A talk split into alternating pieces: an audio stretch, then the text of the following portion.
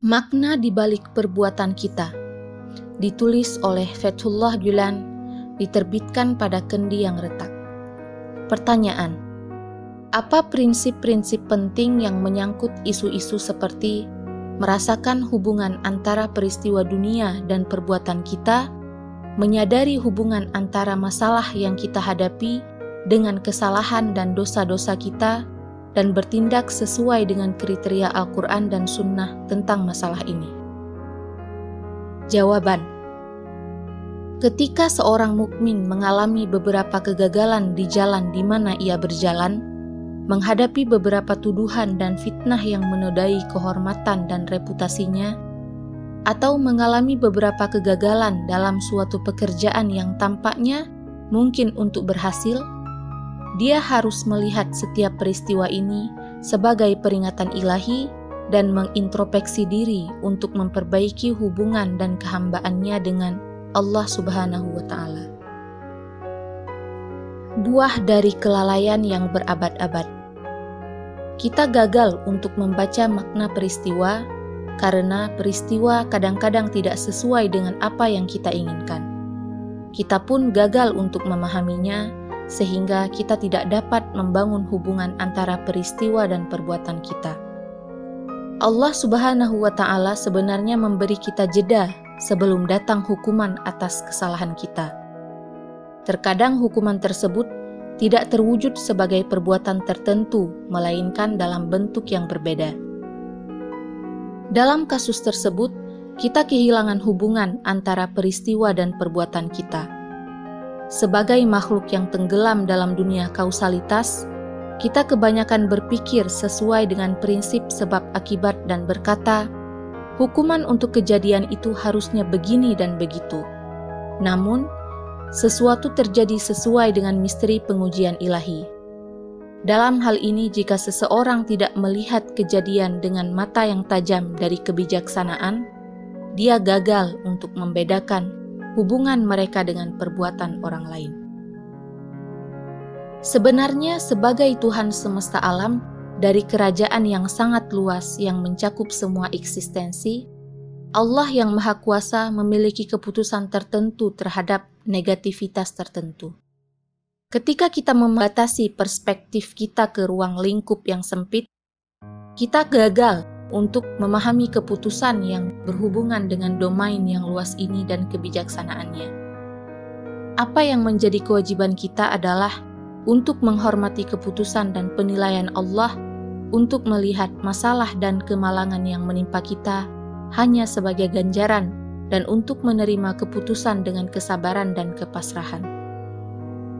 Bahkan kita seharusnya melihat peristiwa dengan cara ini dan mempertanyakan diri kita sendiri dalam menghadapi setiap masalah yang kita alami dengan mengatakan, "Saya ingin tahu kesalahan apa yang saya telah perbuat sehingga Allah memberikan masalah ini." Ini tidak berarti bersikap memberontak melawan takdir ilahi dengan angkuh mengatakan, "Aku tidak melakukan kesalahan apa pun untuk layak tertimpa semua ini." Perkataan sebelumnya menandakan kemampuan melihat peristiwa sebagai peringatan ilahi dan mau memperbaiki diri, sedangkan perkataan yang terakhir menandakan pemberontakan implisit terhadap keputusan takdir ilahi dalam suasana hati yang letih agar terhindar dari kesulitan dan masalah. Apa yang benar-benar penting untuk orang beriman adalah mampu berpikir. Kesalahan dan dosa saya yang mana yang menyebabkan diberikannya masalah seperti ini? Sepak bola misalnya, jika Anda tidak berada di bagian lapangan yang seharusnya Anda berada, yaitu jika tidak berada di dekat gawang di lini tengah atau di sisi lapangan, maka Anda tidak memiliki hak untuk mengatakan, "Kenapa mereka terus mencetak gol sepanjang waktu?" Agar terselamatkan dari situasi ini, terlebih dahulu perlu melihat kelemahan dan menentukan apakah benar-benar layak dengan hasil ini atau tidak. Jika Anda tidak menempatkan pemain ke tempat yang tepat dan tidak merencanakan jenis permainan yang akan mereka mainkan, juga tidak memainkan peran yang sesuai, maka itu berarti Anda menerima ganjaran yang layak. Dengan cara yang sama sebagai perwakilan dari ketulusan dan kejujuran, jika Anda telah mengabaikan berbagai bidang kehidupan dan meninggalkannya ke tangan orang lain, maka Anda harus mengkritik diri terlebih dahulu dalam menghadapi masalah yang menimpa. Jika tidak berada di dalam hal kejujuran dan kebenaran, maka Anda tidak dapat menghentikan penyebaran korupsi. Jika tidak berada di mana pun, Anda akan benar-benar terkepung dan terpaksa hidup menderita. Meskipun Anda berpikir bahwa sedang hidup dalam masyarakat bebas seperti benar-benar hidup di dalam tahanan, tidak dapat bertindak secara bebas sebagai individu maupun menjaga ketentraman dalam keluarga. Dalam bingkai nilai-nilai yang dipercaya, anda juga tidak bisa membesarkan anak-anak dengan cara yang diinginkan. Jika kita melihat masalah di seluruh dunia dan mengevaluasi kondisi menyedihkan umat Islam saat ini, kita melihat dengan perspektif yang sama bahwa umat Islam tidak bisa menerima hak seperti yang dipersyaratkan oleh aturan dan tidak dapat memenuhi tugas yang menjadi tanggung jawab mereka. Orang Turki dan orang Muslim lainnya di dunia menderita perampasan dan masalah tertentu saat ini sebagai konsekuensi dari hukum alam, karena mereka tidak melakukan apa yang seharusnya mereka lakukan pada waktunya. Insya Allah, dengan menghindari mengeluh dan dengan menentukan dengan tepat sumber masalah, penderitaan ini akan menjadi kompensasi bagi dosa-dosa kita semua. Dalam hal ini, kemalangan memiliki aspek untuk menjadi berkah tersembunyi manifestasi dari rahmat umum dan khusus Allah pun juga terlihat. Pemandu makna peristiwa Meskipun kita mengatakan orang-orang beriman bertanggung jawab untuk membaca dengan benar makna peristiwa, kita harus menerima kenyataan bahwa tidak mungkin bagi semua orang beriman untuk mampu melihat masalah pada tingkatan dan kedalaman yang sama atau untuk sepenuhnya memahami masalah tersebut. Oleh karena itu, sangat penting untuk menjadi pemandu spiritual yang dapat melihat dan menafsirkan peristiwa yang berlangsung dengan perspektif yang komprehensif dan dengan mengaitkan hukum sebab akibat. Mereka harus mampu menganalisa dengan baik alasan terhadap masalah yang diderita, melakukan pendekatan dengan pertimbangan kausalitas memperhitungkan dengan baik seperti apa konsekuensi negatif yang bisa diderita dari kesalahan yang telah dibuat, dan memberi orang bimbingan yang benar-benar pada isu-isu ini. Saya tidak berpendapat bahwa masyarakat Turki telah waspada dengan kesadaran seperti itu. Kita dapat memahami hal ini lebih baik dengan mengecek masalah yang dialami selama beberapa abad terakhir. Meskipun beberapa intelektual di Turki memahami masalah ini ke tingkat tertentu, tapi tidak satu pun dari mereka yang mampu memahami masalah ini pada pokoknya seperti Ustaz Badius Zaman yang telah lakukan dan tidak memberi solusi yang tepat untuk masalah yang diderita. Namun, saya ragu apakah orang-orang yang telah diberikan amanah tanggung jawab oleh Ustaz Badius Zaman untuk memahami masalah ini telah sesuai dengan kemampuan mereka atau tidak. Dengan melihat kondisi ia hidup dan juga sarana yang tersedia saat itu, terlihat bahwa ia diletakkan di bawah tekanan yang serius dan terhalang dalam mengambil tindakan.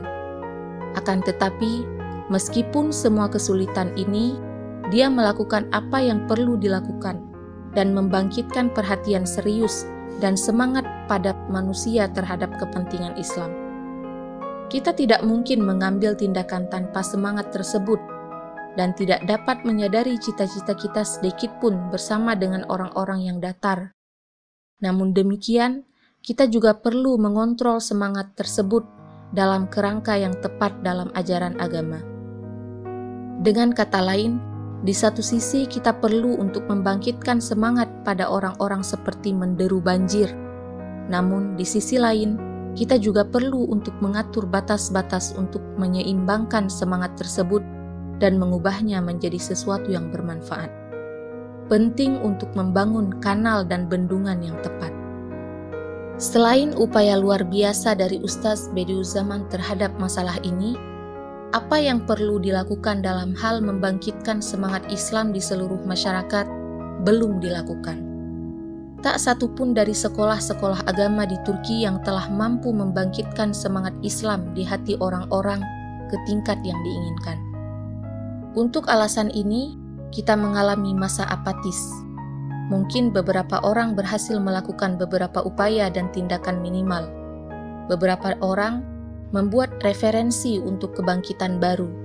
Namun, karena mereka tidak memiliki rencana atau sistem, mereka gagal untuk membangkitkan semangat Islam yang seharusnya mereka bangkitkan dalam masyarakat dan gagal membuat kebangkitan seluruh bangsa. Sama seperti mereka gagal melihat penyebab dan konsekuensi yang mereka akan hasilkan, mereka juga gagal untuk mengambil tindakan pencegahan. Beberapa orang menggunakan frase fantastis semata-mata demi popularitas mereka sendiri dan membuat diri mereka diperhatikan dengan ini. Namun, tindakan lebih berarti daripada kata-kata dan memberikan kita kriteria yang sebenarnya untuk mengevaluasi orang. Perasaan cemburu yang memicu hati beku. Saat ini jiwa-jiwa pengabdi telah menyebar ke empat penjuru dunia demi cita-cita mulia mereka dan melakukan upaya demi mewujudkan kebangkitan baru. Akan tetapi, kali ini orang-orang yang bertindak dengan perasaan persaingan dan iri hati mulai menghalangi mereka. Bukannya mencari jalan mereka sendiri dan berjalan sesuai dengan jalannya, orang-orang itu justru menyebabkan masalah bagi jiwa-jiwa pengabdi di jalur mereka berjalan dan memberikan kemacetan. Tanpa membiarkan orang lain bertahan hidup, mereka bersikap rakus dan ingin eksis di segala bidang. Dengan cara tersebut, mereka ingin menghambat sebuah gerakan yang telah mencapai titik ini, walau dengan kekurangan dan kelemahannya.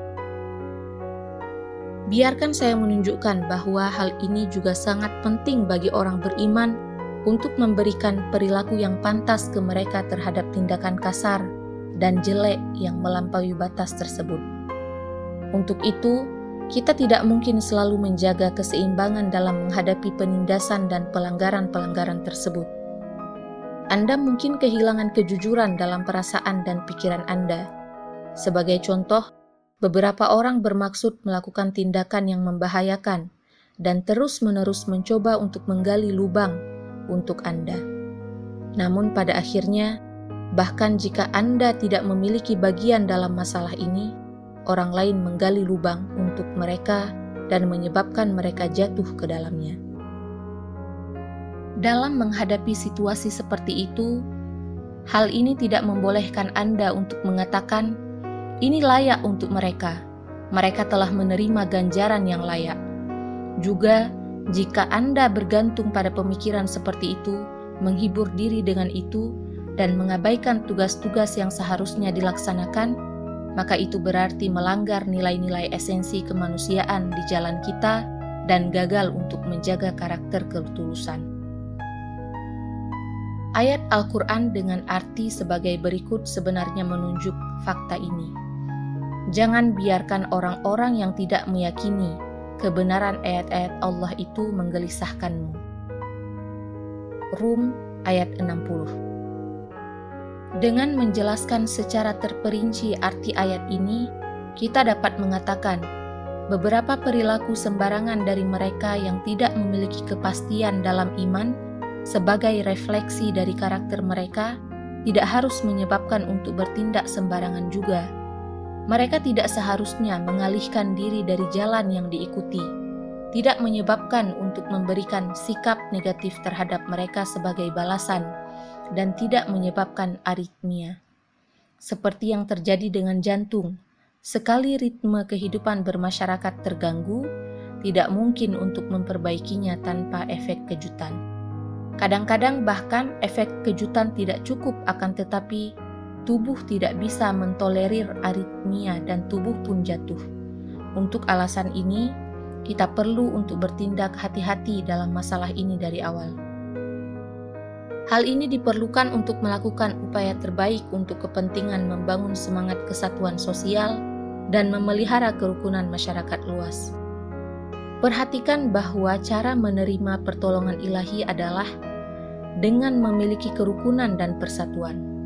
Dalam hal ini, sangat penting bagi orang-orang dengan disposisi dan afiliasi yang berbeda untuk bertemu di tanah yang sama dan memberikan dukungan satu sama lain. Setidaknya, mereka tidak harus berbalik melawan satu sama lain, tidak harus menyapa satu sama lain dengan hal-hal negatif, dan tidak mencoba untuk menjatuhkan satu sama lain. Setelah melakukan itu, mereka harus mencari cara bertindak bersama-sama, mewujudkan beberapa proyek dengan kerjasama, dan juga membela orang lain dalam tingkatan tertentu, sama seperti mereka mendukung orang yang pendapatnya sama dengan mereka yaitu mereka harus menemukan kesepakatan yang masuk akal dan logis untuk memungkinkan bekerja bersama-sama. Hal ini tergantung pada orang yang memberikan tekad mereka untuk menekan beberapa perasaan negatif yang timbul. Hal yang tidak boleh dilupakan bahwa usaha tersebut akan mendapatkan berkah seolah-olah mereka menjalankan ibadah. Bahkan, jika pihak lain tidak memiliki pemahaman tentang masalah ini, kita harus melakukan apa yang diamanahkan ke kita tanpa merugikan orang lain. Dalam kata-kata Ustadz Bedius Zaman, seseorang yang melihat jalan sebagai jalan yang baik dan sangat mencintai jalan tersebut tidak mengharuskan seseorang untuk menunjukkan permusuhan terhadap orang lain.